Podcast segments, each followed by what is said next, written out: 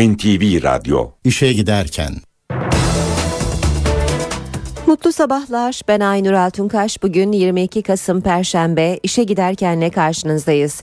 Saat 9'a kadar Türkiye ve dünya gündemindeki gelişmeleri, gazete manşetlerini, piyasa verilerini, yol ve hava durumlarını aktaracağız. Önce gündemin öne çıkan başlıklarına bakalım. İsrail'in Gazze saldırılarının 8. gününde ateşkes sağlandı. Türkiye Suriye sınırı için NATO'dan Patriot füze talebinde bulundu. 12 Eylül davasında Evren ve Şahinkaya savunmalarını yaptı. Çağlayan Adalet Sarayı'nda Kadın Hakları ve Şiddeti Önleme Bürosu açıldı. 8 haftadır devreden Süper Loto çekilişi bu akşam. Fenerbahçe UEFA Avrupa Ligi'nde bu akşam Marsilya ile karşılaşıyor. İşe giderken gazetelerin gündemi.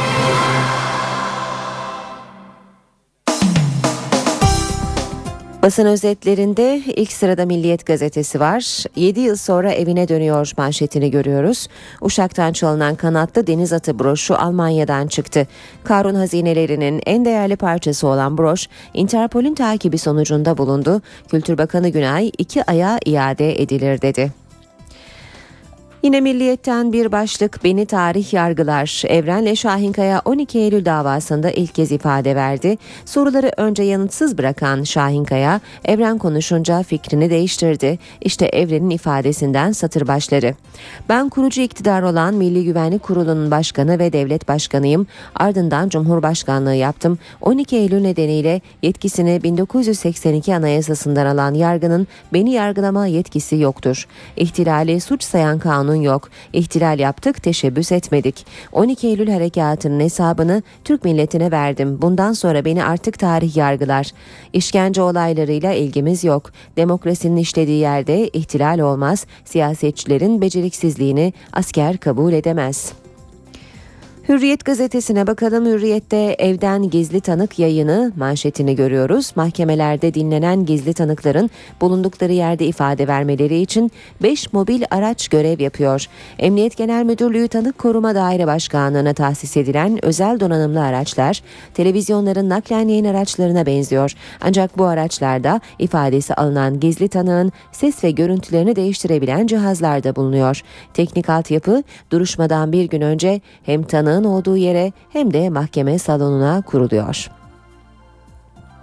Nihayet ateşkes başlığını görüyoruz. İsrail ile Hamas arasında 8 gündür süren çatışmalar dün varılan ateşkes anlaşmasıyla bitti. İsrail ve Humus, e, Hamas arasında dün gün boyu saldırılar sürdü. Ateşkes çıkmaza giriyor derken akşam Amerika Dışişleri Bakanı Hillary Clinton ve Mısırlı mevkidaşı Muhammed Kamil Amr'ın duyurusuyla ateşkes 21'de yürürlüğe girdi. Dün İran'da sürpriz şekilde ilk kez Hamas'a silah tedarik ettiğini kabul etti.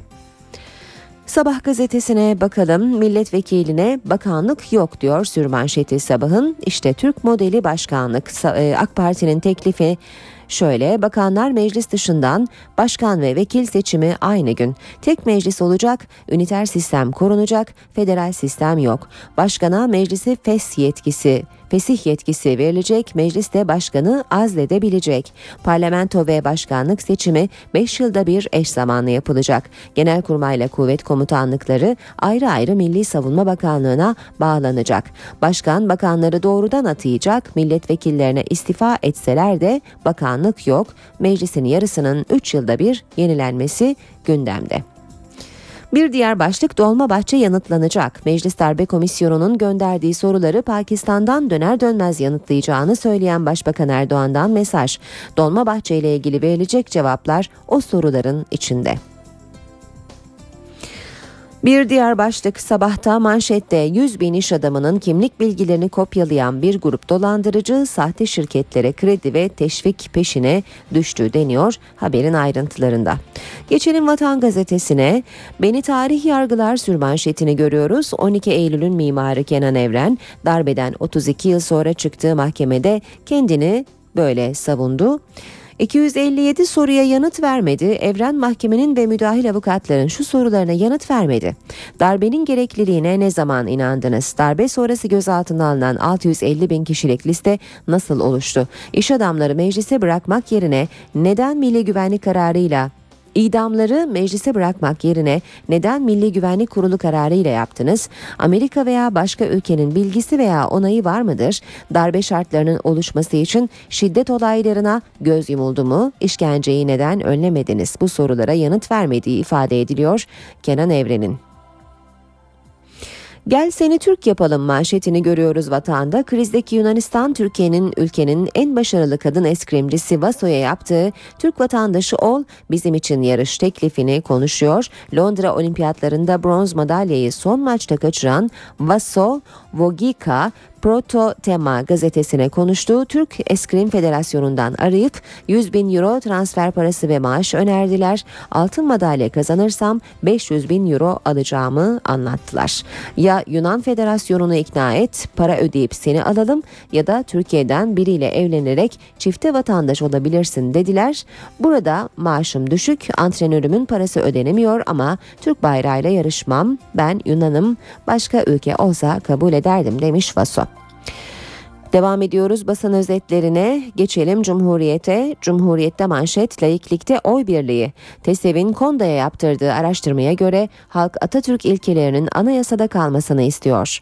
TESEV'in raporuna göre toplumun %82,3'ü anayasanın temel ilkeleri arasında Atatürk ilke ve inkılaplarıyla Atatürk milliyetçiliğine yer verilmesi gerektiğine inanıyor. %50,6'lık kesim laikliğin aynen korunmasını, %40'ı ise devletin tüm dinlere aynı mesafede olacak şekilde yeniden tanımlanmasını istiyor. Türkiye oyun dışı Gazze'de ateşkes sağlandı. Clinton bölgesel liderliğinden dolayı Mısır'ı kutladı. İsrail ile Hamas arasında Mısır'ın arabuluculuğunda iki gündür devam eden ateşkes görüşmeleri uzlaşmayla sonuçlandı. Kararı Mısır Dışişleri Bakanı Amr, Amerika Dışişleri Bakanı Clinton'la birlikte düzenlediği ortak basın toplantısında duyurdu. Clinton, Mısır'a bölgesel liderliğinden dolayı teşekkür ediyorum dedi. Geçelim Radikal gazetesine. Radikal'de manşet ihtilal yaptım masumum. 12 Eylül davasında iki paşa da rahattı. Şahin Kaya bizi tarih yargılar dedi. Evren hiç değişmemişti. İhtilali suç sayan bir kanun yok. Bugün olsa yine yaparım. Doğudan yükselen çığlık bıçak kemiğe dayandı. Güneydoğu'dan 45'i aşkın oda ve borsa yöneticisi bıçak kemiğe dayandı diyerek partilerden çözüm istiyor. İlk olarak Erdoğan'la görüşen Top Başkanı Hisarcıklıoğlu başkanlığındaki heyet CHP, MHP ve BDP ile de bir araya gelecek. Habertürk gazetesiyle devam ediyoruz. Sürmanşet darbe planını Ürü hazırladı. Kenan Evren biz darbeye teşebbüs etmedik yaptık. Planı da 1. Ordu Komutanı Necdet Ürü hazırladı dedi. Darbe davasının ikinci gününde Evren savunma yaptı. İhtilal suç değil doğru olanı yaptık. Bayrak Harekat planını Necdet Ürü hazırladı. Ona sorun. İmzayı da benim yerime Genelkurmay 2. Başkanı Haydar Saltık atmıştır. Habertürk'ün manşeti ise Arınç'la İnce'nin taciz kavgası. Arınç hakkında tacizden fezleke hazırlanan CHP'li İnce'ye istifa et dedi ve ekledi. Kadın vekiller yanına oturmasın, selamı kessin. Başbakan yardımcısı Arınç, CHP'li İnce hakkında fezlekeyi gündeme taşıdı. Fatma adlı kadını telefon ve kısa mesajla taciz etmiş. Üç dördünü okudum, insanlığımdan utandım, onu utandıracağım demiş.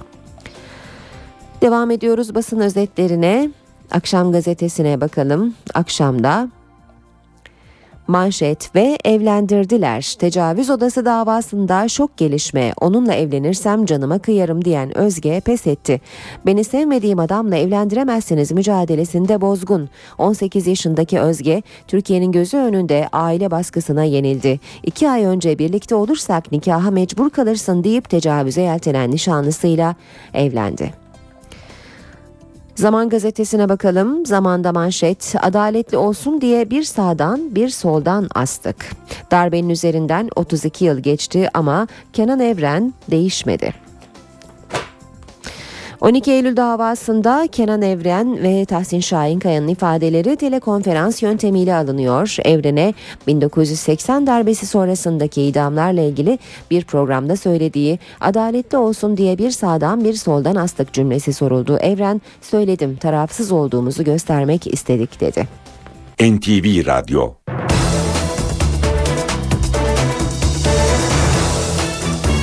7-16 saat işe giderken gündemin ayrıntılarıyla sürüyor. İsrail'in Gazze'ye dönük 8 gün süren saldırılarının ardından ateşkes sağlandı. İsrail ile Hamas arasında anlaşmaya varıldığını ise Kahire'de Amerika Dışişleri Bakanı Hillary Clinton'la birlikte basına açıklama yapan Mısır Dışişleri Bakanı Muhammed Kamil Amr duyurdu. Mısırlı bakan Türkiye'nin de ateşkes müzakerelerine katkı sağladığını söyledi. Sükunetin sağlanması ve bu süreçte şahit olduğumuz kanın durması için harcanan çabalar ateşkesle sonuçlandı. İsrail'in Gazze'ye yönelik 8 gündür süren saldırılarının sona erdiğini Mısır Dışişleri Bakanı Muhammed Kamil Amr bu sözlerle duyurdu. Amr Kahire'de bulunan AK Parti Genel Başkan Yardımcısı Ömer Çelik ve MİT Müsteşarı Hakan Fidan'la sürece katılan Türkiye'nin de ateşkes müzakerelerine katkı sağladığını söyledi. Amerika Dışişleri Bakanı Hillary Clinton da ateşkes sürecinde sergilediği bölgesel liderlikten dolayı Mısır'a teşekkür etti. İsrail cephesinden ilk açıklama Başbakanlık ofisinden geldi. Yazılı açıklamada Başbakan Netanyahu'nun Amerikan Başkanı Obama ile görüştüğü ve ateşkese şans vereceklerini söylediği bildirildi. Netanyahu daha sonra Savunma Bakanı Ehud Barak ve Dışişleri Bakanı Avigdor Lieberman'la ortak basın toplantısı düzenledi. Ateşkesin başarısızlığa uğraması halinde daha sert askeri tedbirler alabiliriz. Daha sert askeri tedbirler isteyen vatandaşlarımız olduğunu biliyoruz ve belki buna ihtiyaç duyabiliriz. Savunma Bakanı Barak da askeri olarak amaçlarına ulaştıklarını söyledi. Hamas lideri Halit Meşal'den gelen açıklama ise İsrail kanadından gelen açıklamaların tam tersi yönünde oldu. İsrail'in hiçbir askeri amacına ulaşamadığını söyleyen Meşal 8 günün sonucunu İsrail için bir hezimet olarak değerlendirdi. Uluslararası camianın çabalarıyla sağlanan Mısır'ın garantörlüğündeki ateşkes 3 maddeden oluşuyor.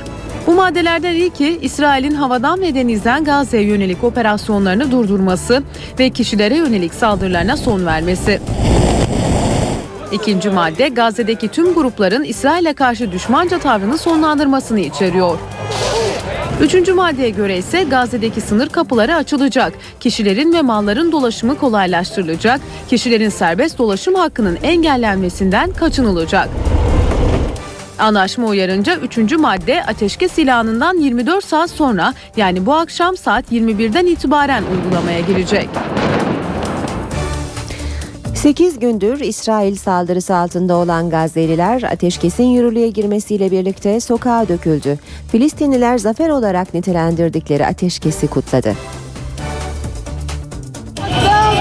Gazze'de ateşkes dakikalar önce ilan edildi. Tüm Gazze halkı 8 gün sonra caddelere, sokaklara akmış durumda. Ateşkesi kutluyorlar, kazanımlarını kutluyorlar. Hamas Başbakanı İsmail Haniye'nin ablası da kutlamalardaydı. Elhamdülillah yani demne ma raح hadar. Elhamdülillah şuhadana mش hadar. Şehitlerin kanı boşa gitmedi. İsmail Haniye'yi kutluyorum. المقاومة وعلى رسم كتاب الخسام. Halk sokaklarda Hamas ve El Fetih uzlaşması için de slogan attı.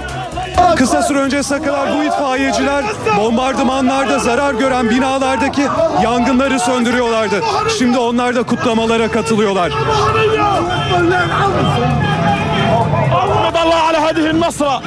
Çok mutluyuz. Bu zaferi yaşatanlar sağ olsun. Hamas yetkilileri temkinli. Şu an ateşkes şartlarına uyulmasını bekliyoruz. İsrail daha önce sözünden dönmüştü. Bu durum tekrar ederse karşılık veririz. MİT Müsteşarı Hakan Fidan'la birlikte İsrail ile Hamas arasındaki ateşkes arayışlarına destek vermek için Mısır'da bulunan AK Parti'nin dış ilişkilerden sorumlu Genel Başkan Yardımcısı Ömer Çelik'ten de bir açıklama geldi. Çelik ateşkes kararını sosyal paylaşım sitesi Twitter üzerinden değerlendirdi. Türkiye, Mısır ve Katar'ın çabalarıyla ateşkes için gereken ortamın oluşturulduğuna dikkat çeken Ömer Çelik, 8 gün süren saldırıların ardından sağlanan ateşkesle beraber Gazze'ye dönük gayrı insani engellerin kalkması yönünde de bir adım atıldığını söyledi. Anlaşmayla Gazze sınırlarının insani malzeme geçişine açılacağını belirten Çelik, ateşkesten öte bir ateşkes ifadesini kullandı. Gazze'de ateşkes sağlandı ama İsrail saldırılarının izleri kolay silinmeyecek gibi görünüyor. Çok sayıda yaralının hastanedeki tedavileri sürüyor. Şifa Hastanesi günlerdir yaralılarla dolup taşıyor. Şifa Hastanesi Gazze'de en çok yaralı kabul edilen nokta. About 40% of them are children. Kayıtlarımıza göre öldürülenlerin %40'ı çocuk, kadın ya da yaşlı. Bu oran yaralananlarda %75.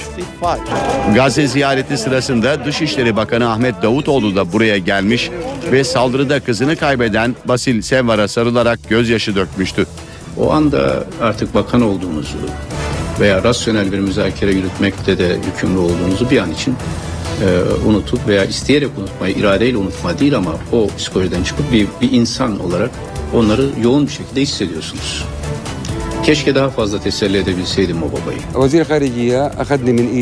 Saldırıda eşim yaralandı, kızım öldü. Davutoğlu ile aynı dili konuşmadık belki ama kızımın naaşının yanında bana sarıldı. Bu da acımı hafifletti. Şifa Hastanesi'nde yaşam mücadelesi verenlerden biri de 5 yaşındaki Esma. Esma patlama nedeniyle travma geçirdi ve tam 3 gündür burada. Yavaş yavaş tedaviye yanıt vermeye başladı. Ancak Esma kadar şanslı olmayan çocuklar da var. 2 yaşındaki Abdurrahman gibi. Aile Şifa Hastanesi'ni terk ediyor. Kucaklarında kısa bir süre önce kaybettikleri çocuklarının naaşıyla birlikte. Türkiye bir süredir planladığı adımı attı ve Suriye sınırı için NATO'dan resmen Patriot füze savunma sistemi için talepte bulundu. NATO Genel Sekreteri Anders Fogh Rasmussen'den gelen ilk açıklama ittifakın bu talebi gecikmeden ele alacağı şeklinde. Patriotların Almanya, Amerika Birleşik Devletleri ve Hollanda tarafından dönüşümlü olarak temin edilmesi bekleniyor. Türkiye, Suriye sınırına Patriot füzeleri yerleştirilmesi için NATO'ya resmen talepte bulundu. Ankara'nın mektubunun kendisine ulaştığını duyuran Rasmussen, ittifakın bu talebi gecikmeden ele alacağını bildirdi. I have received a letter from the Turkish government. Patriot füzelerinin yerleştirilmesi topraklarını ve halkını korumak için Türkiye'nin hava savunma kapasitesini artıracak. Füzeler NATO'nun güneydoğu sınırındaki gerilimin azaltılmasında da katkıda bulunacak. To defend the population and territory of Turkey. Rasmussen mektupta Türkiye'nin Patriotların savunma amaçlı istendiğini, Suriye üzerinde uçuşa yasak bölgeyi desteklemek veya saldırı amaçlı kullanılmayacağını vurguladığını söyledi. Rasmussen'den kısa süre sonra Dışişleri Bakanlığı Ankara'nın NATO'dan Patriot talebinde bulunduğunu teyit etti. NATO üyeleri arasında Patriot'a sahip olan ülkeler Amerika Birleşik Devletleri, Hollanda ve Almanya. Bu nedenle füzelerin bu üç ülke tarafından dönüşümlü olarak temin edilmesi bekleniyor. Füze sisteminin işleyişinde görev alacak 150-200 kadar yabancı askerin de Türkiye'ye konuşlandırılacağı ifade ediliyor. Patriot füze savunma sistemi iki parçadan oluşuyor. Bu parçalardan biri olan radar, düşman saflarından gelecek olan füzelerin hızını ve istikametini tespit ediyor. Dört rampadan oluşan füze bataryaları da bu füzelerin havada imha edilmesini sağlıyor. Uçaklara karşı da kullanılabilen Patriotların uçak savar konumunda etkin menzili 160 kilometreye kadar uzanabiliyor. Türkiye son olarak Amerika Birleşik Devletleri'nin Irak işgali öncesinde 2003'te NATO'dan benzer bir talepte bulunmuştu. Savunma amaçlı kullanılan Patriot füzeleriyle ilgili birkaç ayrıntı da verelim. Bu füzeler havada tehdit içeren uçaklara ve balistik füzelere karşı kullanılıyor. Menzili ortalama 100 kilometre. Hedefini izleme yöntemiyle 15-20 saniye içinde vurabiliyor. İsabet oranı %100'e yakın. Mobil ve sabit rampadan fırlatılabiliyor. Patriotlar 1991 Körfez Savaşı ve 2003 Irak Savaşı sırasında da Türkiye'ye konuşlandırılmıştı. Amerika Birleşik Devletleri Körfez Savaşı sırasında çok sayıda Scud füzesini Patriotlarla havada vurmuştu. Türkiye'nin NATO'dan Patriot talebi masada ama bölgede gerilim farklı boyutlar kazanarak devam ediyor.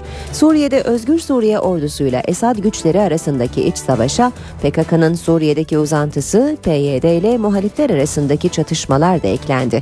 Yer yer çıkan çatışmalar Türkiye sınırını da tehdit ediyor. Güvenlik güçleri teyakkuzda.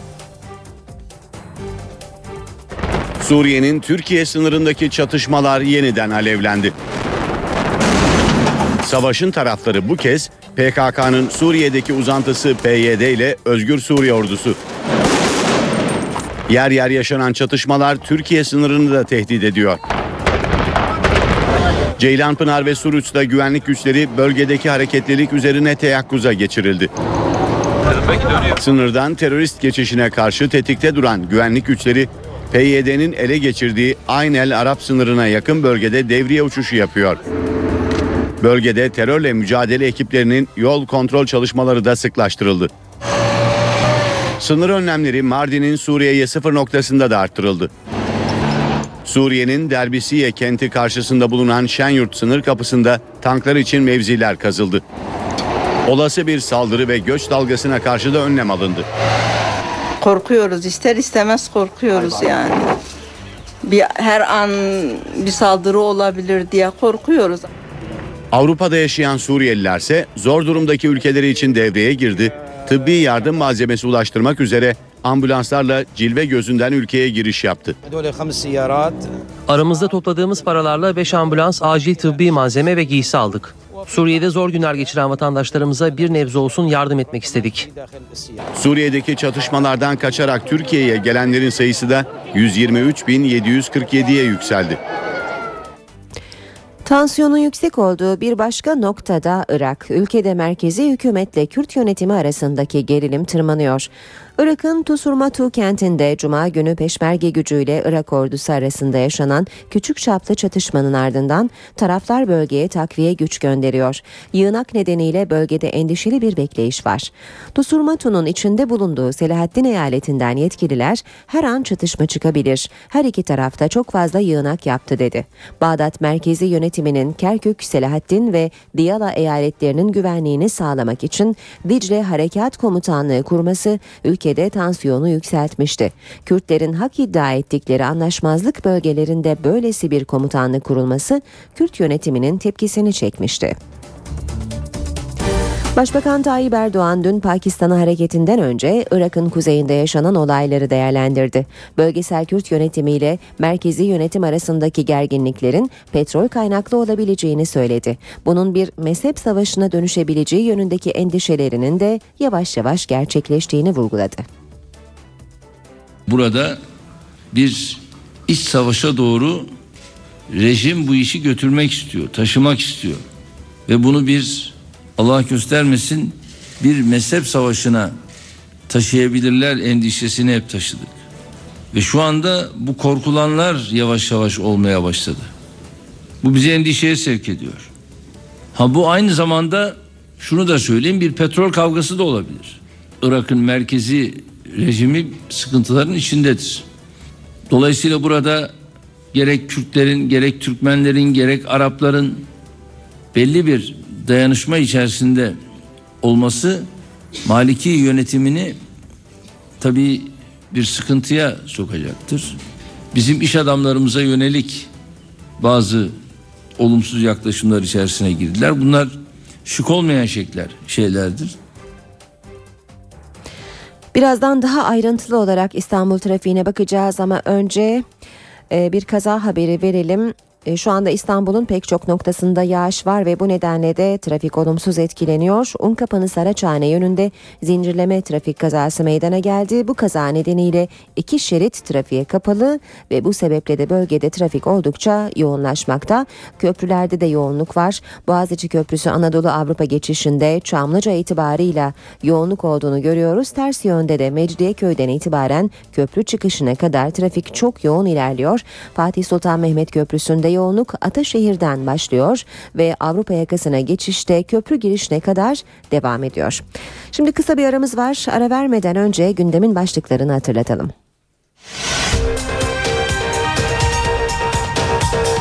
İsrail'in Gazze saldırılarının 8. gününde ateşkes sağlandı. Türkiye Suriye sınırı için NATO'dan Patriot füze talebinde bulundu. 12 Eylül davasında Evren ve Şahinkaya savunmalarını yaptı. Çağlayan Adalet Sarayı'nda Kadın Hakları ve Şiddeti Önleme Bürosu açıldı. 8 haftadır devreden Süper Loto çekilişi bu akşam. Fenerbahçe UEFA Avrupa Ligi'nde bu akşam Marsilya ile karşılaşıyor.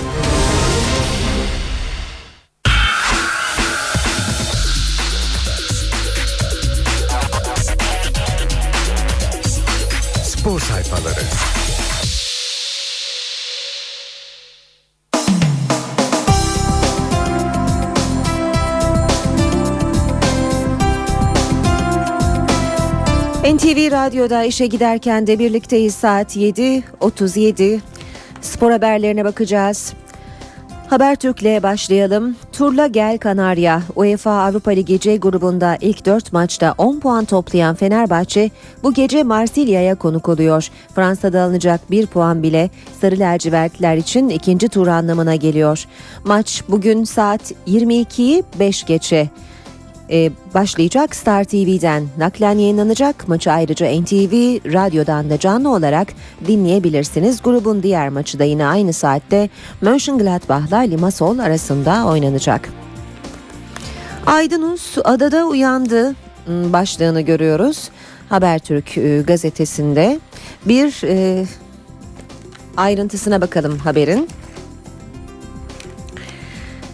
Geçen hafta sonu yönettiği Eskişehir Spor Fenerbahçe maçında verdiği kararlarla hakemliği bırakma eşiğine gelen Fırat Aydınus, Şampiyonlar Ligi B grubunda Arsenal Montpellier maçında düdük çaldı. Baştan sona iyi bir yönetim sergileyen Aydınus maçın temposu içinde kendini unutturdu ve başarılı bir yönetim sergiledi denmiş haberde maçı da Arsenal'ın 2-0 kazandığı ifade ediliyor.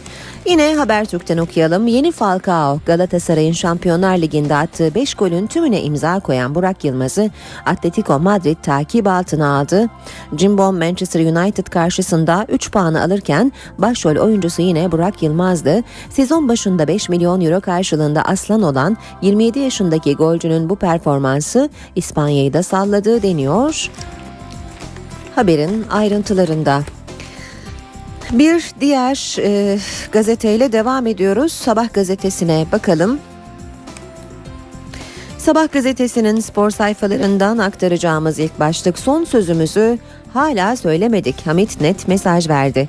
Manchester United zaferi soyunma odasındaki coşkuyu sahanın yıldızı Hamit frenledi. Sevinmek hakkımız ama daha işimiz bitmedi. Braga ile hesabımızı kapatmalıyız. Ses duvarı aşılamadı. İngiliz gazeteleri Manchester United'ın kadro tercihini Ferguson arenanın, arenanın atmosferini gençlerin öğrenmesini istedi diye yorumladı. Ses duvarı aşılamadı dedi. 5 gol yerine 10 asist isterdim. Kafa gollerinde Terim'in taktik idmanlarıyla iyi bir çıkış yakalayan ve Manchester United'a müthiş bir gol atan Burak, 5 gol atmak yerine 10 asist yapmak isterdim dedi. Önce garanti sonra rekor. Avrupa'da grubunu en çok puanla tamamlayan Türk takımı olan Fenerbahçe kendi rekorunu kırmaya iki galibiyet uzakta. Kanarya'nın hedefi Marsilya'dan puan alıp gruptan çıkmak. Gözler Karadayı Soğu'da Fenerbahçe Marsilya deplasmanında Musa Sova güveniyor. Süper Lig'de 6, Avrupa'da 3 olmak üzere toplam 9 golü bulunan Senegalli futbolcu üst üste 3 karşılaşmayı boş geçmedi. Devam ediyoruz Sabah gazetesinden aktarmaya. Mehmet Ali Aydınlar günü gelince konuşacağım demiş. Futbol Federasyonu'nun eski başkanı Mehmet Ali Aydınlar'ın açıklamasını e, görüyoruz. Federasyon başkanı olarak çok şanssız, yoğun, stresli bir döneme rast geldik. O dönemde insanları, kurumları, spor kulüplerini daha iyi tanıdım ve hayal kırıklığına uğradım. Türkiye son 10 yılda özellikle ekonomide her alanda çok büyük gelişme gösterdi. Maalesef futbola bu gelişmenin yansımadığını gördüm. Vicdanen rahatım diyor Mehmet Ali Aydınlar. Yorgun Aslan'a kurba, e, Kuban işkencesi, olumsuz hava koşulları üzerine Rusya'ya maç sabahı uçabilen Galatasaray, Lokomotiv Kuban'dan 25 sayı fark yedi ve namağlup unvanını kaybetti. Maçın skoru 66-91. Çifte Fener alayı Fenerbahçe'nin hem erkek hem de kadın voleybol takımı Avrupa arenasında günü galibiyetle tamamladı. Sahneye önce Kanarya'nın kızları çıktı. Çev Cup son 16 rövanş maçında Belçika temsilcisi Asterix Kildrecht etti. Konuk eden Sarı Melekler üstün bir oyunla maçı 3-0 kazanarak adını çeyrek finale yazdırdı. Şampiyonlar Ligi E grubunda mücadele eden Fenerbahçe Grundig ise dördüncü maçında konuk ettiği Romanya temsilcisi Tomis Konstanta'yı 3-2 yendi. Aybaba'dan Zigler'e veto, İsmail Köybaşı'nın sakatlığı sonrası Beşiktaş'a Fener'in eski futbolcusu önerildi. Ancak Samet Aybaba bu isim için olumsuz görüş belirtti.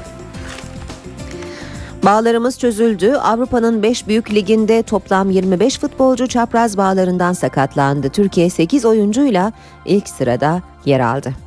Antrenörden de öte Şenol Güneş ıslıklanan Halil'e destek çıktı. Olcan'ı dertleriyle baş başa bırakmadı. Bunun karşılığını Ordu Spor maçında fazlasıyla aldı.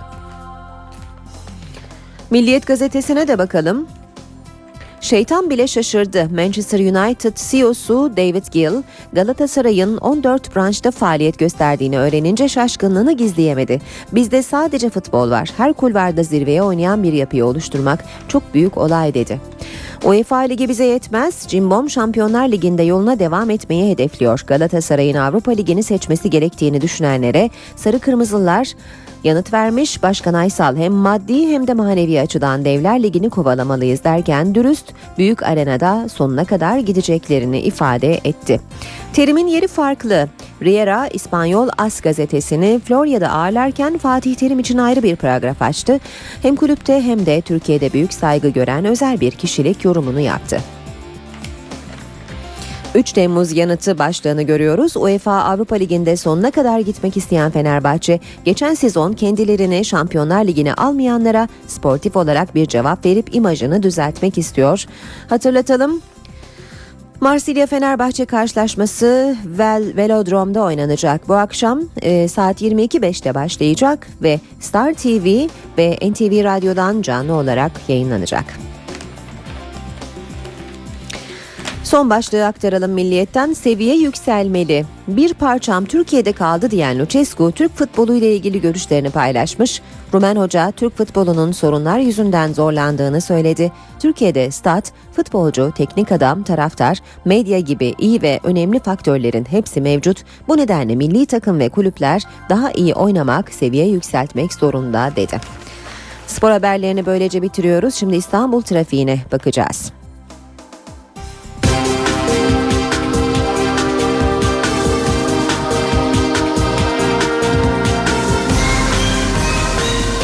İşe giderken. İstanbul'un pek çok bölgesinde bugün e, yağmur var ve bu nedenle de trafik olumsuz etkileniyor. Bir kaza haberi daha bize ulaştı. D100'de Pendik Kartal yönünde yaralanmalı bir trafik kazası var. Kaza nedeniyle iki şerit trafiğe kapalı durumda. Fatih Sultan Mehmet Köprüsü Anadolu Avrupa geçişinde yoğunluk Ataşehir itibarıyla başlıyor ve köprü girişine kadar devam ediyor.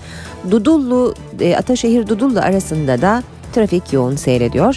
Fatih Sultan Mehmet Köprüsü Avrupa Anadolu geçişinde gişelerde başlayan yoğunluk köprü çıkışına kadar hatta Kavacık'a kadar da etkili olmaya devam ediyor. Tem'de Kemerburgaz Aydamı Maslak Kavşağı arasında trafik yoğun seyrediyor. Daha geride Mahmut Beydoğu Kavşağı Akşemsettin Viyadüğü arasında yine yoğunluk var. Karayolları Mahallesi İstoç yönünde de trafiğin yoğun olduğunu söyleyebiliriz. O 3'te yine Mahmut Beydoğu Kavşağı'ndan Hale kadar çift yönlü yoğunluk var. D100 karayoluna bakalım.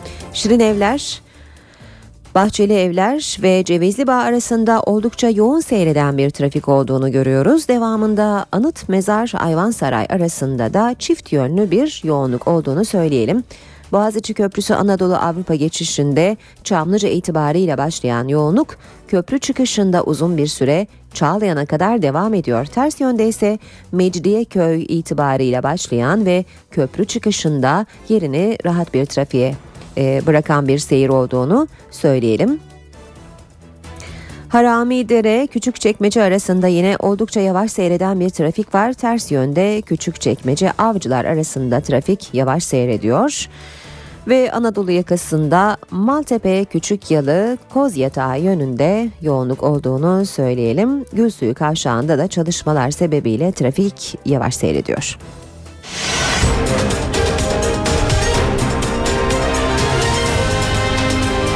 NTV Radyo.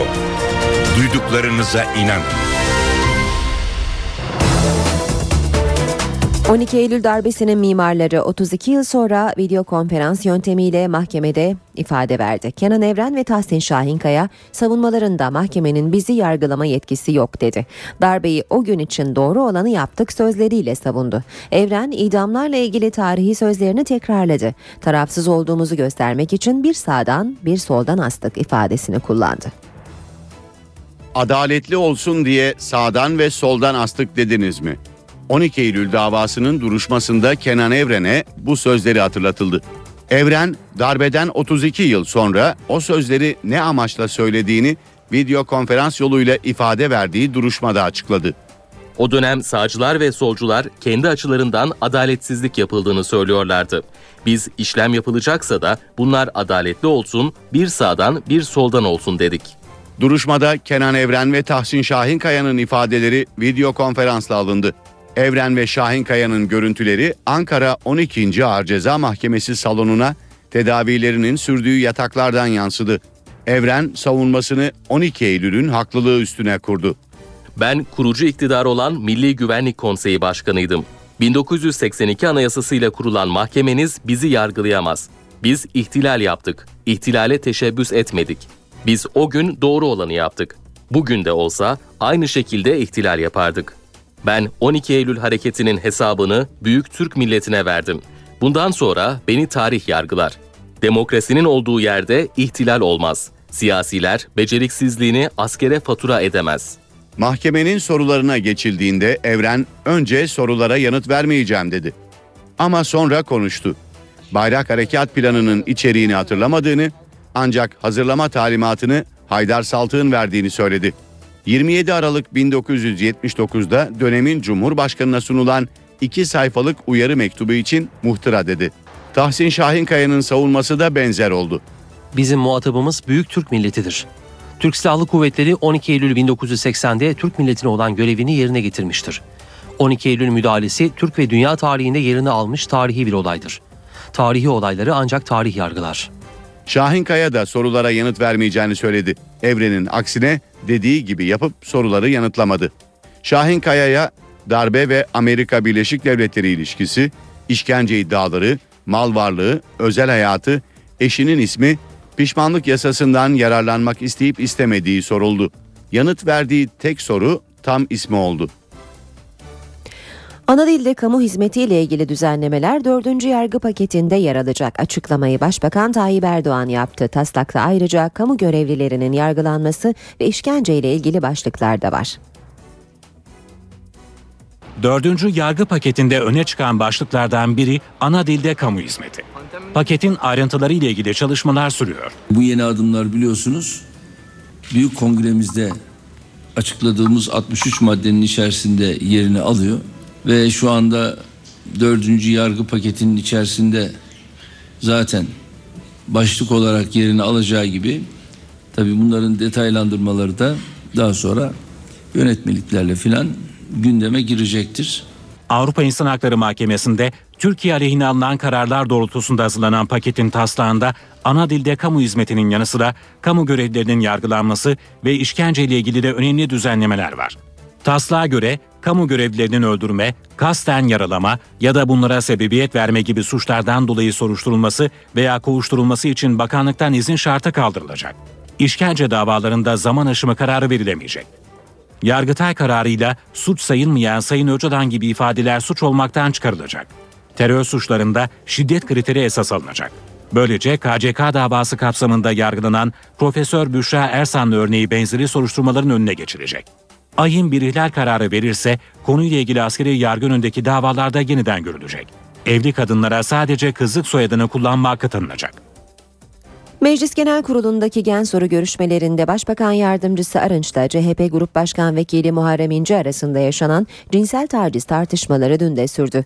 Arınç İnce'nin iddiasından kurtulana kadar bulunduğu görevden istifa etmesi gerektiğini belirtti. Muharrem İnce Arınç'ın iddialarına yazılı bir açıklamayla yanıt verdi. Bu çirkin iftiranın hesabını soracağım dedi. Şu mecliste 550 kişi var. Ahlaktan, adaletten, namustan bahsedilecek olsa sizin en son konuşmanız lazım. Bu milletvekillerinin içerisinde bir tek dosya cinsel tacizden o da size ait. Dokunulmazlığımı kaldırmazsanız şerefsizsiniz. Şerefsizsiniz. Namussuzsunuz, ahlaksızsınız. Meclisteki gen soru görüşmelerinde başlayan tartışma bir gün sonrasında da devam etti. Başbakan yardımcısı Bülent Arınç iddiasında ve Muharrem İnce'nin istifa etmesi konusunda ısrarcı oldu. Bu cinsel taciz iddiasından kurtulana kadar bulunduğu görevden istifa etmesi gerekir. Partisini temsil iddiasında bulunan bir insan cinsel tacizle suçlanıyorsa önce utanır sonra bu görevinden istifa eder. Arınç Kemal Kılıçdaroğlu'na da çağrı yaptı. Kemal Kılıçdaroğlu bugüne kadar bildiğimiz ve inandığımız şekliyle aile hayatına bağlı, özel hayatına dikkat eden mazbut bir insandır. Derhal Muharrem İnce'den görevini bırakmasını istemelidir. Muharrem İnce ise Arınç'ın suçlamalarına yazılı bir açıklamayla yanıt verdi.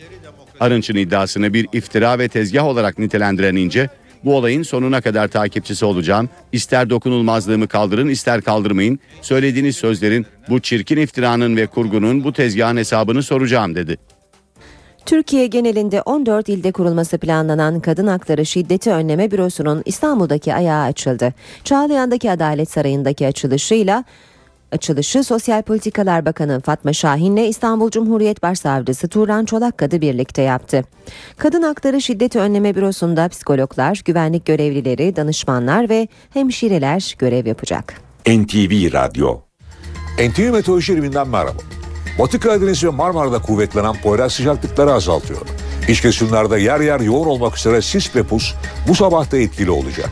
Yarın kuzey ve iç kesimlerde sıcaklıkların daha da azalmasını bekliyoruz. Bugün kuzey kesimlerden başlayarak hava soğuyor ve Poyraz'ın kuvvetlenmesi hissedilen sıcaklıkları da azaltacak. İç kesimlerde yer yer sis ve pus görülürken güneyde sağanaklar etkisini daha da arttıracak. Doğuda da özellikle güneydoğuda yağış başlarken kuzey kesimlerde hava genelde parçalı bulutlu olacak. Bugün kuzey kesimlerde sıcaklıklar azalırken Marmara ve Batı Karadeniz'de hafif, Batı Akdeniz'de aralıklı, doğuda ise yerel yağışlar kuvvetlenerek devam edecek. Yağışların Anamur, Mersin, Adana, Kahramanmaraş, Malatya arasında çok daha kuvvetli olmasını bekliyoruz. Yarın batıda yağış etkisini kaybederken Marmara'nın kuzeyi ve Karadeniz'de hafif, İç Anadolu'nun doğusu ve Doğu Anadolu'da ise yer yer kuvvetli olmak üzere sağanaklar etkisini sürdürecek. Cumartesi günü Marmara'nın kuzeyinde hafif yağışlar görülürken Doğu Karadeniz'de daha kuvvetli olmak üzere doğudaki yağışların aralıklarla devam etmesini bekliyoruz. Bölgeleri bugünkü durumuna baktığımız zaman Marmara'da sıcaklıklar azalırken bulutlanma da artıyor. Edirne ve civarında çok bulutlu bir hava görülürken Çanakkale, Balıkesir, Bursa boyunca hava çok bulutlu olacak. İstanbul, Sakarya arasında ise aralıklarla yağış görülecek. Ege'de sıcaklıklarda 1-2 derecelik azalış var. İzmir parçalı bulutlu, Muğla'da aralıklarla yağış görülürken Denizli parçalı bulutlu olacak ama Kütahya, Afyon, Karahisar'da yine sabahla gece saatlerinde sis görülecek. Isparta Antalya arasında aralıklarla yağış var. Mersin'de yağış kuvvetlenecek ve bu yağış Adana'yı da etkisi altına alacak. Ankara, Eskişehir, Konya arasında sis etkili olurken Niğde, Kayseri, Sivas boyunca aralıklarla yağış görülecek. Bolu ve civarında sabah ve gece saatlerinde yine sis var Zonguldak yağmurlu. Samsun, Trabzon, Artvin boyunca da havanın çok bulutlu olmasını bekliyoruz. Malatya'da yağış etkisini arttırırken Erzurum, Kars, Van arasında çok bulutlu. Hakkari'de ise kısa süreli yağışlı bir hava olacak. Güneydoğu'da da yağışlar başlıyor. Gaziantep, Adıyaman, Diyarbakır, Şanlıurfa, Mardin'de aralıklarla yağış görülürken Şanlıurfa'da sıcaklık 17 derece olacak. İstanbul bugün soğumaya başlıyor ve sıcaklık gündüz 14, gece ise 9 derece olacak. Hava kapalı, aralıklı yağmur var. Ankara puslu ve soğuk, görüş mesafesi oldukça düşük. Sıcaklık ise gündüz 8, gece ise 4 derece olacak. İzmir'de yağış etkisini kaybetti. Hava parçalı bulutlu olacak ama Poyraz kuvvetli esiyor. O nedenle sıcaklık gündüz 15, gece ise 11 derece olacak. İşe giderken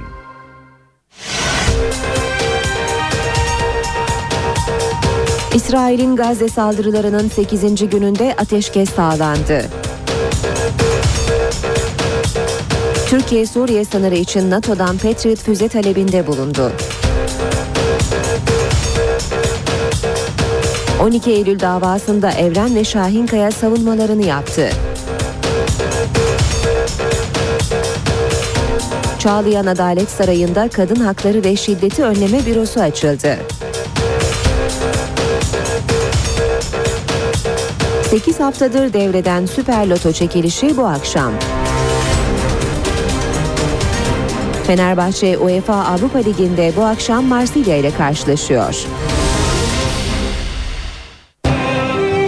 İşe giderken gazetelerin gündemi.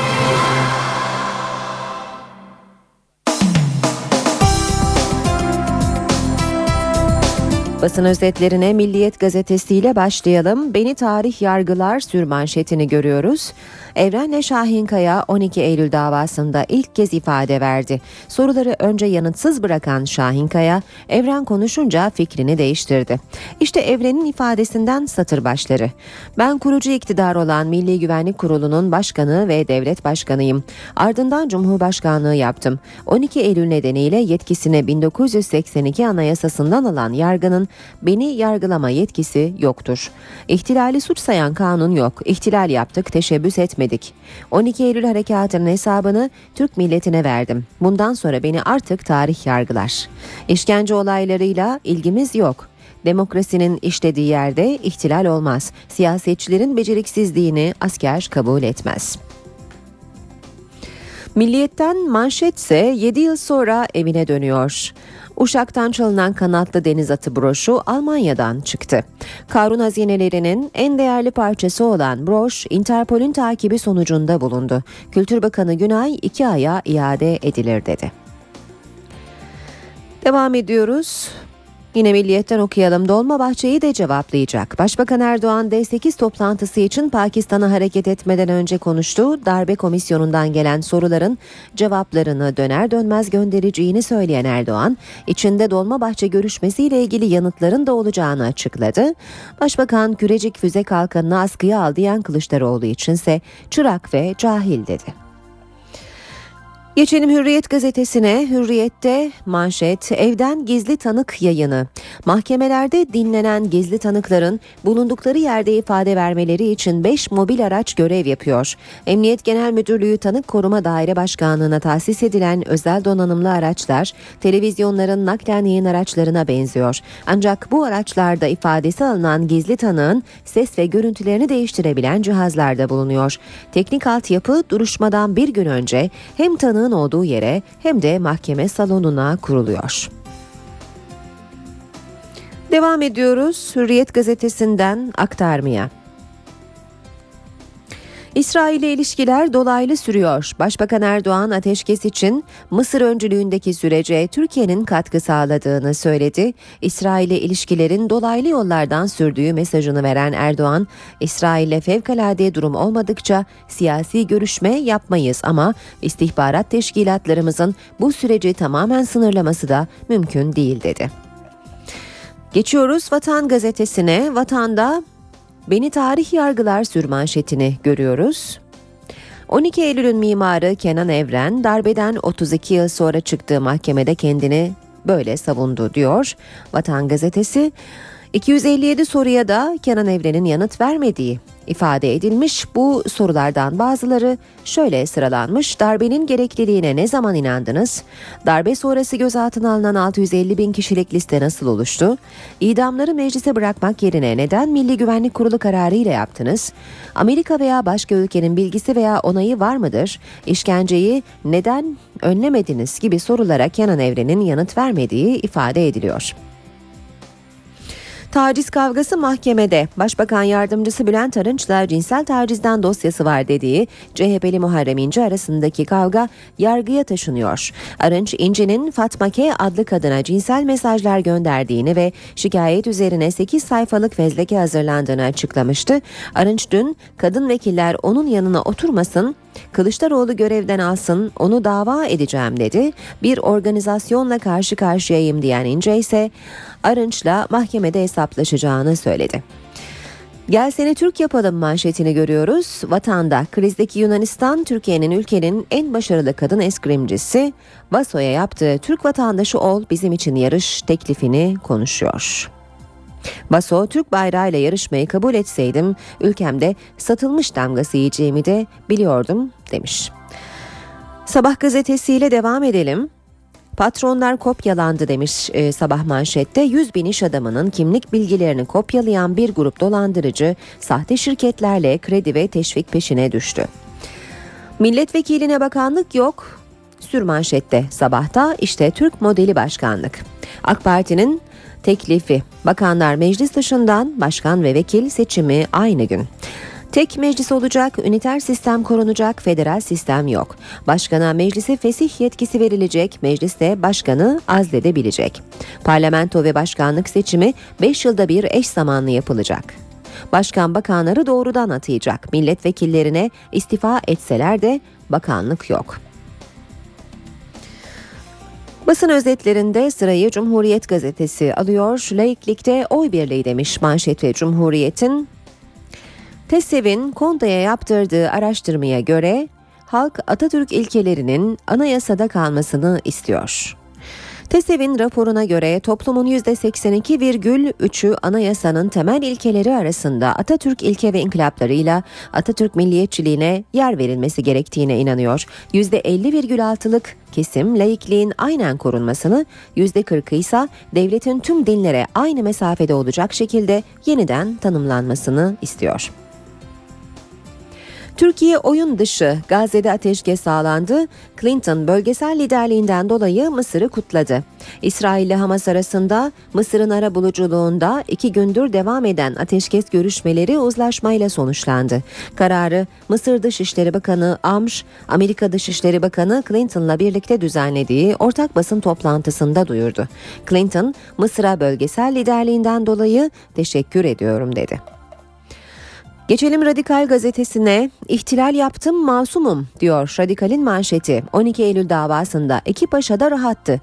Şahin Kaya bizi tarih yargılar dedi. Evren hiç değişmemişti. İhtilali suç sayan bir kanun yok. Bugün olsa yine yaparım.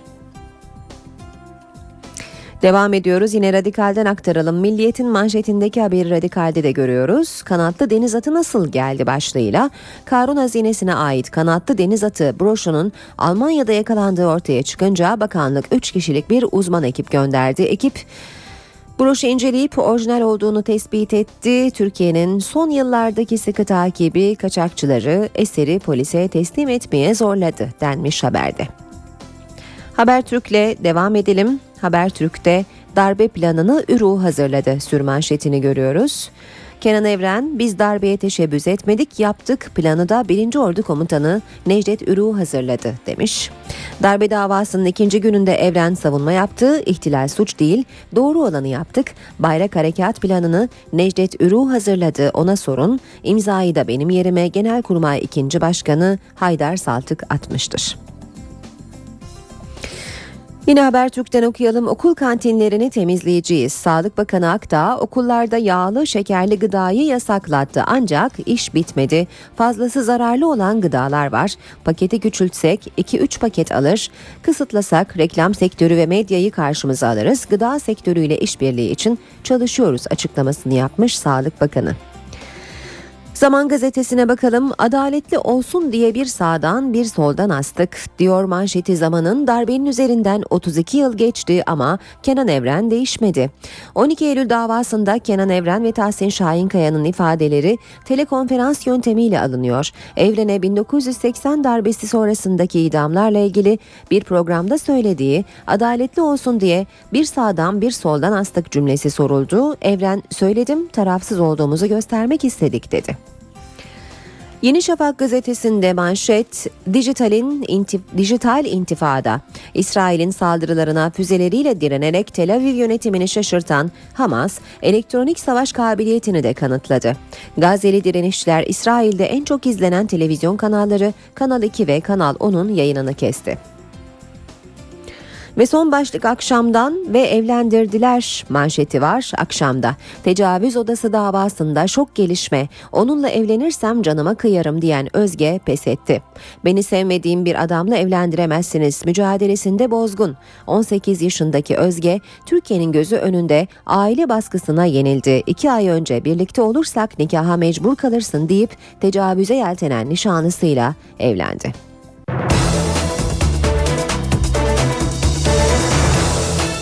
Saat 8.20 işe giderken gündemin ayrıntılarıyla sürüyor. İsrail'in Gazze'ye dönük 8 gün süren saldırılarının ardından ateşkes sağlandı.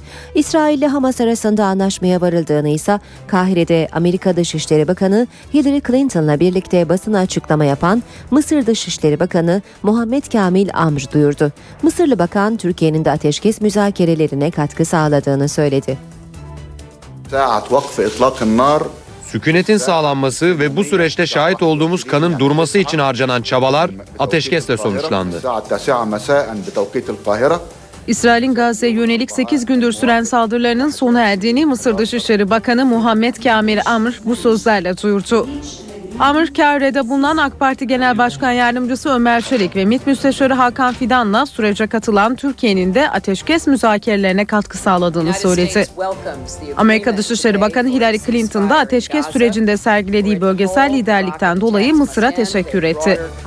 İsrail cephesinden ilk açıklama Başbakanlık ofisinden geldi. Yazılı açıklamada Başbakan Netanyahu'nun Amerikan Başkanı Obama ile görüştüğü ve ateşkese şans vereceklerini söylediği bildirildi. Netanyahu daha sonra Savunma Bakanı Ehud Barak ve Dışişleri Bakanı Avigdor Lieberman'la ortak basın toplantısı düzenledi. Ateşkesin başarısızlığa uğraması halinde daha sert askeri tedbirler alabiliriz. Daha sert askeri tedbirler isteyen vatandaşlarımız olduğunu biliyoruz ve belki buna ihtiyaç duyabiliriz. Savunma Bakanı Barak da askeri olarak amaçlarına ulaştıklarını söyledi. Hamas lideri Halit Meşal'den gelen açıklama ise İsrail kanadından gelen açıklamaların tam tersi yönünde oldu. İsrail'in hiçbir askeri amacına ulaşamadığını söyleyen Meşal 8 günün sonucunu İsrail için bir hezimet olarak değerlendirdi. Uluslararası camianın çabalarıyla sağlanan Mısır'ın garantörlüğündeki ateşkes 3 maddeden oluşuyor. Bu maddelerden ilki İsrail'in havadan ve denizden Gazze'ye yönelik operasyonlarını durdurması ve kişilere yönelik saldırılarına son vermesi. İkinci madde Gazze'deki tüm grupların İsrail'e karşı düşmanca tavrını sonlandırmasını içeriyor. Üçüncü maddeye göre ise Gazze'deki sınır kapıları açılacak. Kişilerin ve malların dolaşımı kolaylaştırılacak. Kişilerin serbest dolaşım hakkının engellenmesinden kaçınılacak. Anlaşma uyarınca 3. madde ateşkes ilanından 24 saat sonra yani bu akşam saat 21'den itibaren uygulamaya girecek. Başbakan Erdoğan D8 zirvesine katılmak için Pakistan'da. Başbakanın programı oldukça yoğun. Başbakan Erdoğan bugün İran Cumhurbaşkanı Mahmut Ahmadinejad'la bir araya gelecek. Dün zirve öncesi yapılan toplantılarda gündem Gazze'deki ateşkesti. Başbakanın ve zirvenin programına ilişkin ayrıntılar NTV muhabiri Didem Tuncay'da. Liderler aslında ağırlıklı olarak ekonomik ve ticari ilişkileri işbirliğini geliştirme imkanlarını ele alacaklar. Ancak en sıcak başlıklar Gazze ve Suriye'ye ilişkin gelişmeler olacak. Gazze konusunda zirvenin ardından ortak bir bildirinin yayınlanması planlanıyor. Ee, Başbakan Erdoğan'ın bugün önemli e, toplantıları da var. Aslında e, Mısır ve İran e, Cumhurbaşkanları ile üçlü bir e, toplantı gerçekleştirecekti Suriye konusunda. Bu toplantı iptal edildi. E, çünkü Mısır e, Cumhurbaşkanı Muhammed Mursi İslamabad'a gelemiyor. E, kız kardeşi vefat ettiği için. Ancak Başbakan Erdoğan başka bir toplantıya katılacak. İran Pakistan e, Cumhurbaşkanları ve Mısır Cumhurbaşkanı Yardımcısı Mahmut Mekki katılacak bu toplantıya ve ağırlıklı olarak yine Orta Doğu'daki e, son gelişmeler e, değerlendirilecek.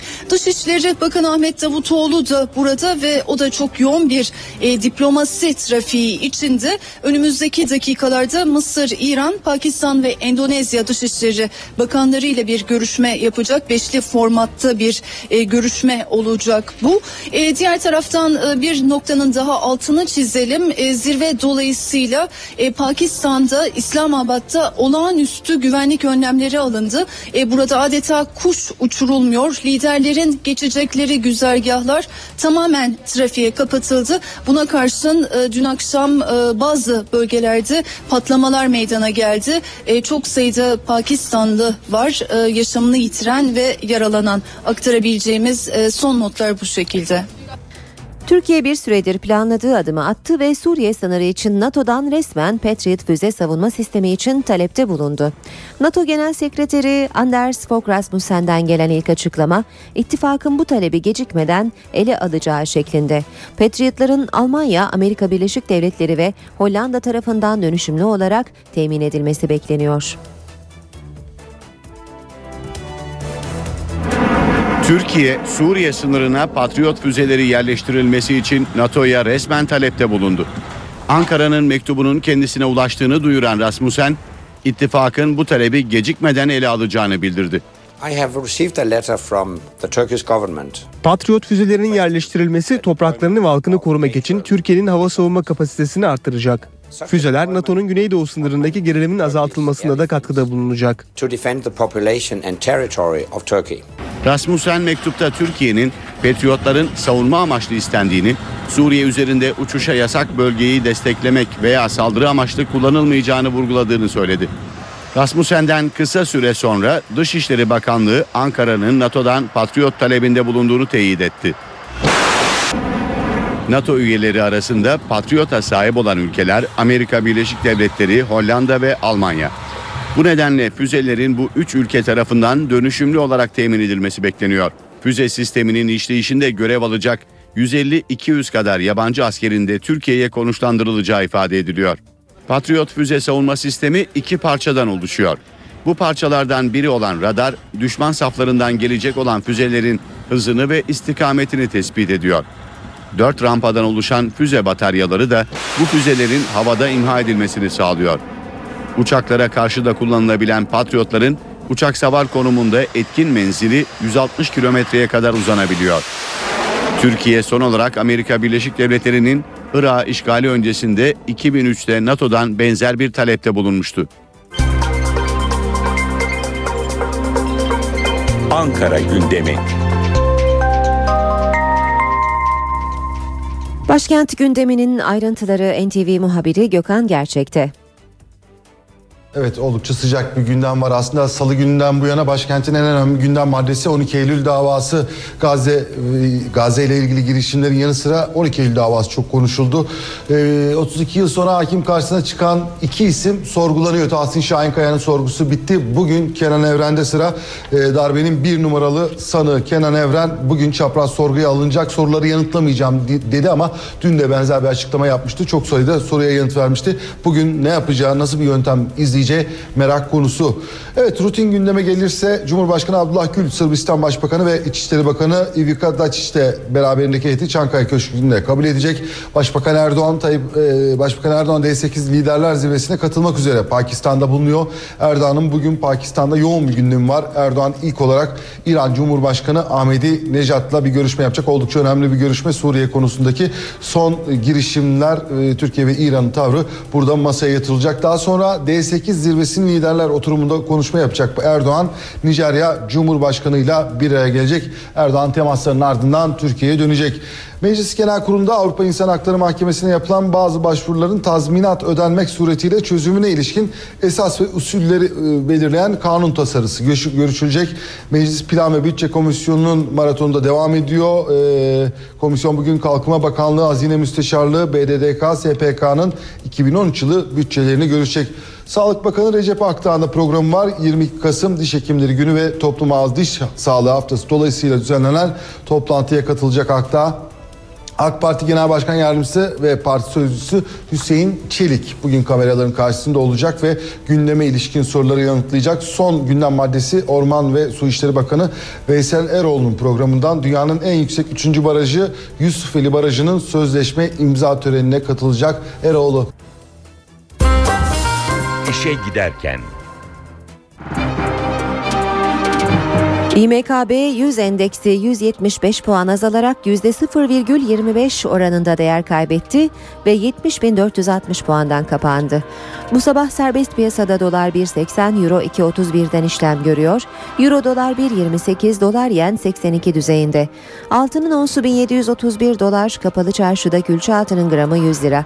Cumhuriyet altın 681, çeyrek altın 171 liradan işlem görüyor. Brent petrolün varil fiyatı 111 dolar.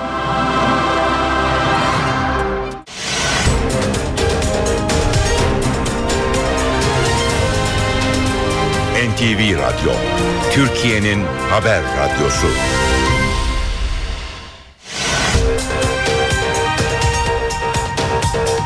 İsrail'in Gazze saldırılarının 8. gününde ateşkes sağlandı. Türkiye Suriye sınırı için NATO'dan Patriot füze talebinde bulundu. 12 Eylül davasında Evren ve Şahinkaya savunmalarını yaptı. Çağlayan Adalet Sarayı'nda Kadın Hakları ve Şiddeti Önleme Bürosu açıldı. 8 haftadır devreden Süper Loto çekilişi bu akşam. Fenerbahçe UEFA Avrupa Ligi'nde bu akşam Marsilya ile karşılaşıyor.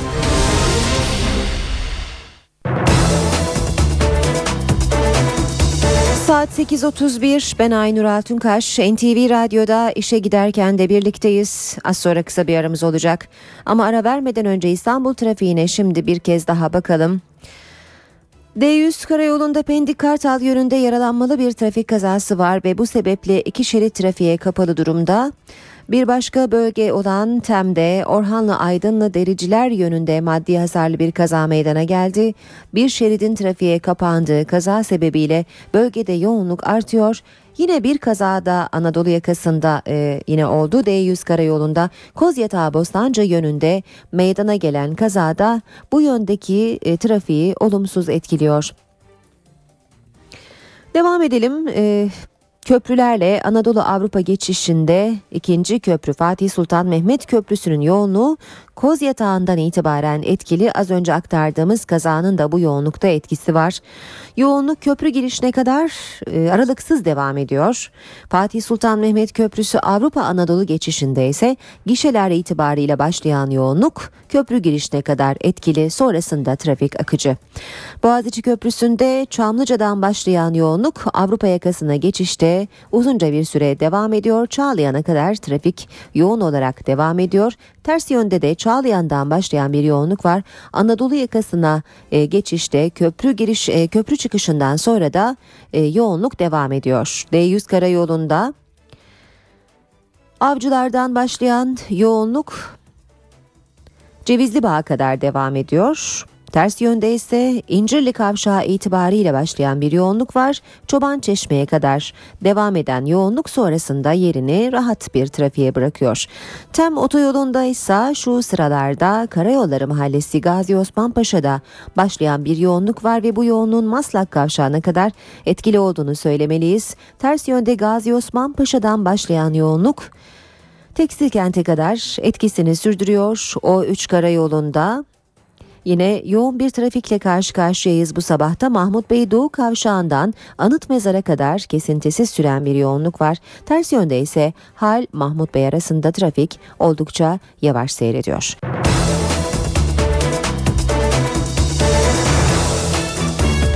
8.40'ı gösteriyor saatimiz işe giderken de birlikteyiz. Sigortası düzenli ödenmediği için yıllarca emekli olacağı günü bekledi.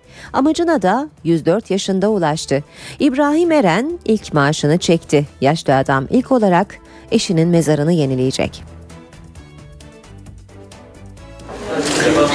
Sonunda hayaline kavuştu. Yaşı 104 de olsa emekliliğe hak kazanıp ilk maaşını aldı.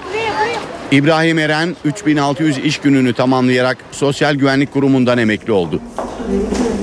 1908 doğumlu Eren ilk emekli maaşını almaya oğluyla gitti.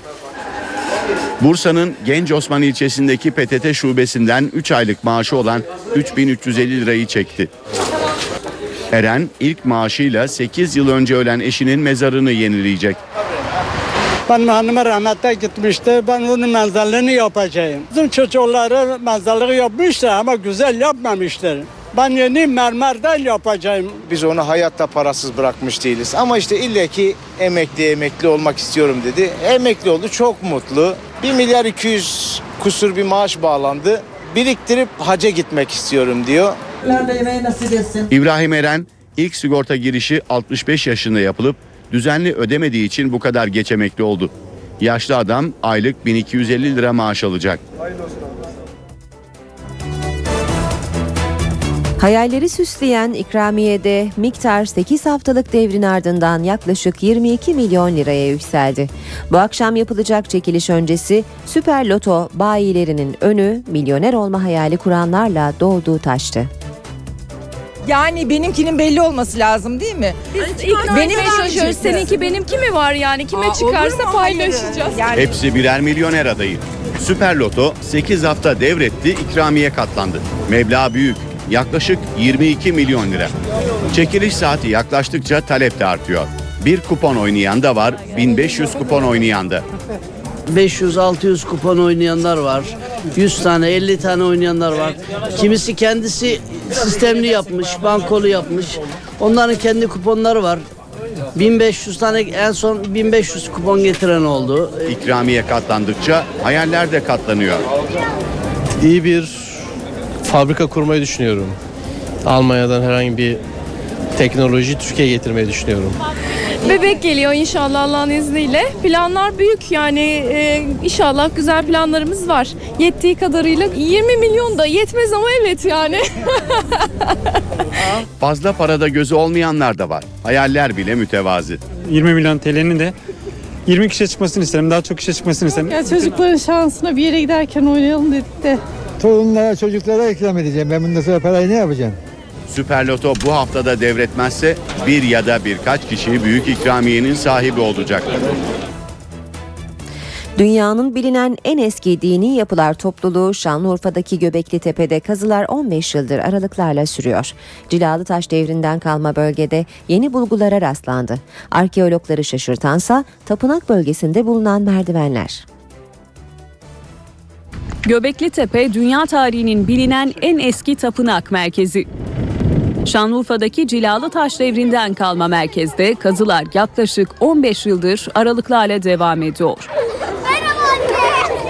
Tarihin sıfır noktası olarak adlandırılan bölgede şu ana kadar hayvan figürlü taşlar ve tapınak kalıntıları bulundu. Arkeologlar bu yılki kazılarda bir sürprizle de karşılaştı. Yeni bir mimari kalıntı bulundu. Dikkat çekici olansa bölgedeki merdiven izleri. Bu kadar eski bir yapıda merdiven bulunması şaşırtıcı. Fakat merdivenin genel olarak amacını tam olarak anlayabilmiş değiliz. Merdivenin ne için yapıldığı kazı sonucu kompleksin tam olarak açığa çıkarılmasıyla netleşecek. Göbekli Tepe Arkeoloji Alanı bir süre önce UNESCO Dünya Mirası geçici listesine alınmıştı. Nisan ayında akciğer kanseri nedeniyle hayatını kaybeden senarist Meral Okay'ın arkadaşları ve sevenleri onun vasiyetini yerine getirebilmek için dün akşam bir aradaydı. Meral Okay Matematik Köyü'nde doğuyor adlı organizasyonda Okay'ın desteklenmesini istediği İzmir'deki Matematik Köyü için bağış toplandı. Gecede Sezen Aksu da sahnedeydi.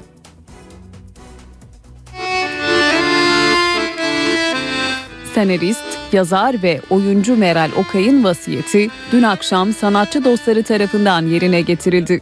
Meral Okay, Matematik Köyü'nde doğuyor adı verilen gecenin geliri Aziz Nesin'in oğlu Ali Nesin'in 2007'de kurduğu Matematik Köyü'ne bağışlandı.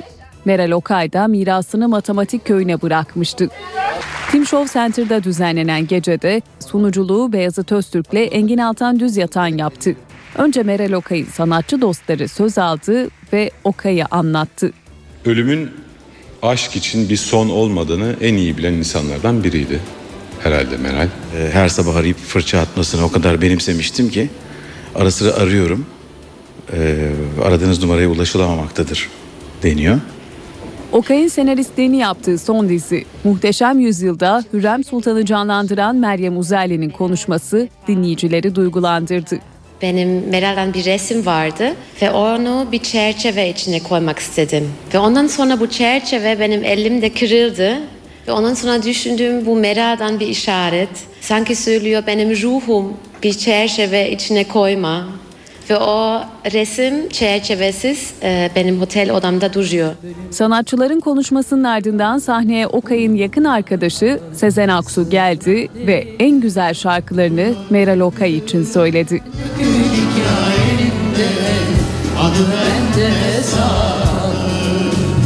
Geceye katılan ve projeye destek olan herkese teşekkür eden Sezen Aksu, Meral Okay'a seslenirken hüzünlendi. Bizim arkadaşımız hiç kimsenin hayatına kayıtsız kalmayan özel bir kadındı. İşe giderkenden bugünlükte bu kadar. Ben Aynur Altunkaş. Saat başında gelişmelerle buluşmak üzere. Hoşçakalın. NTV Radyo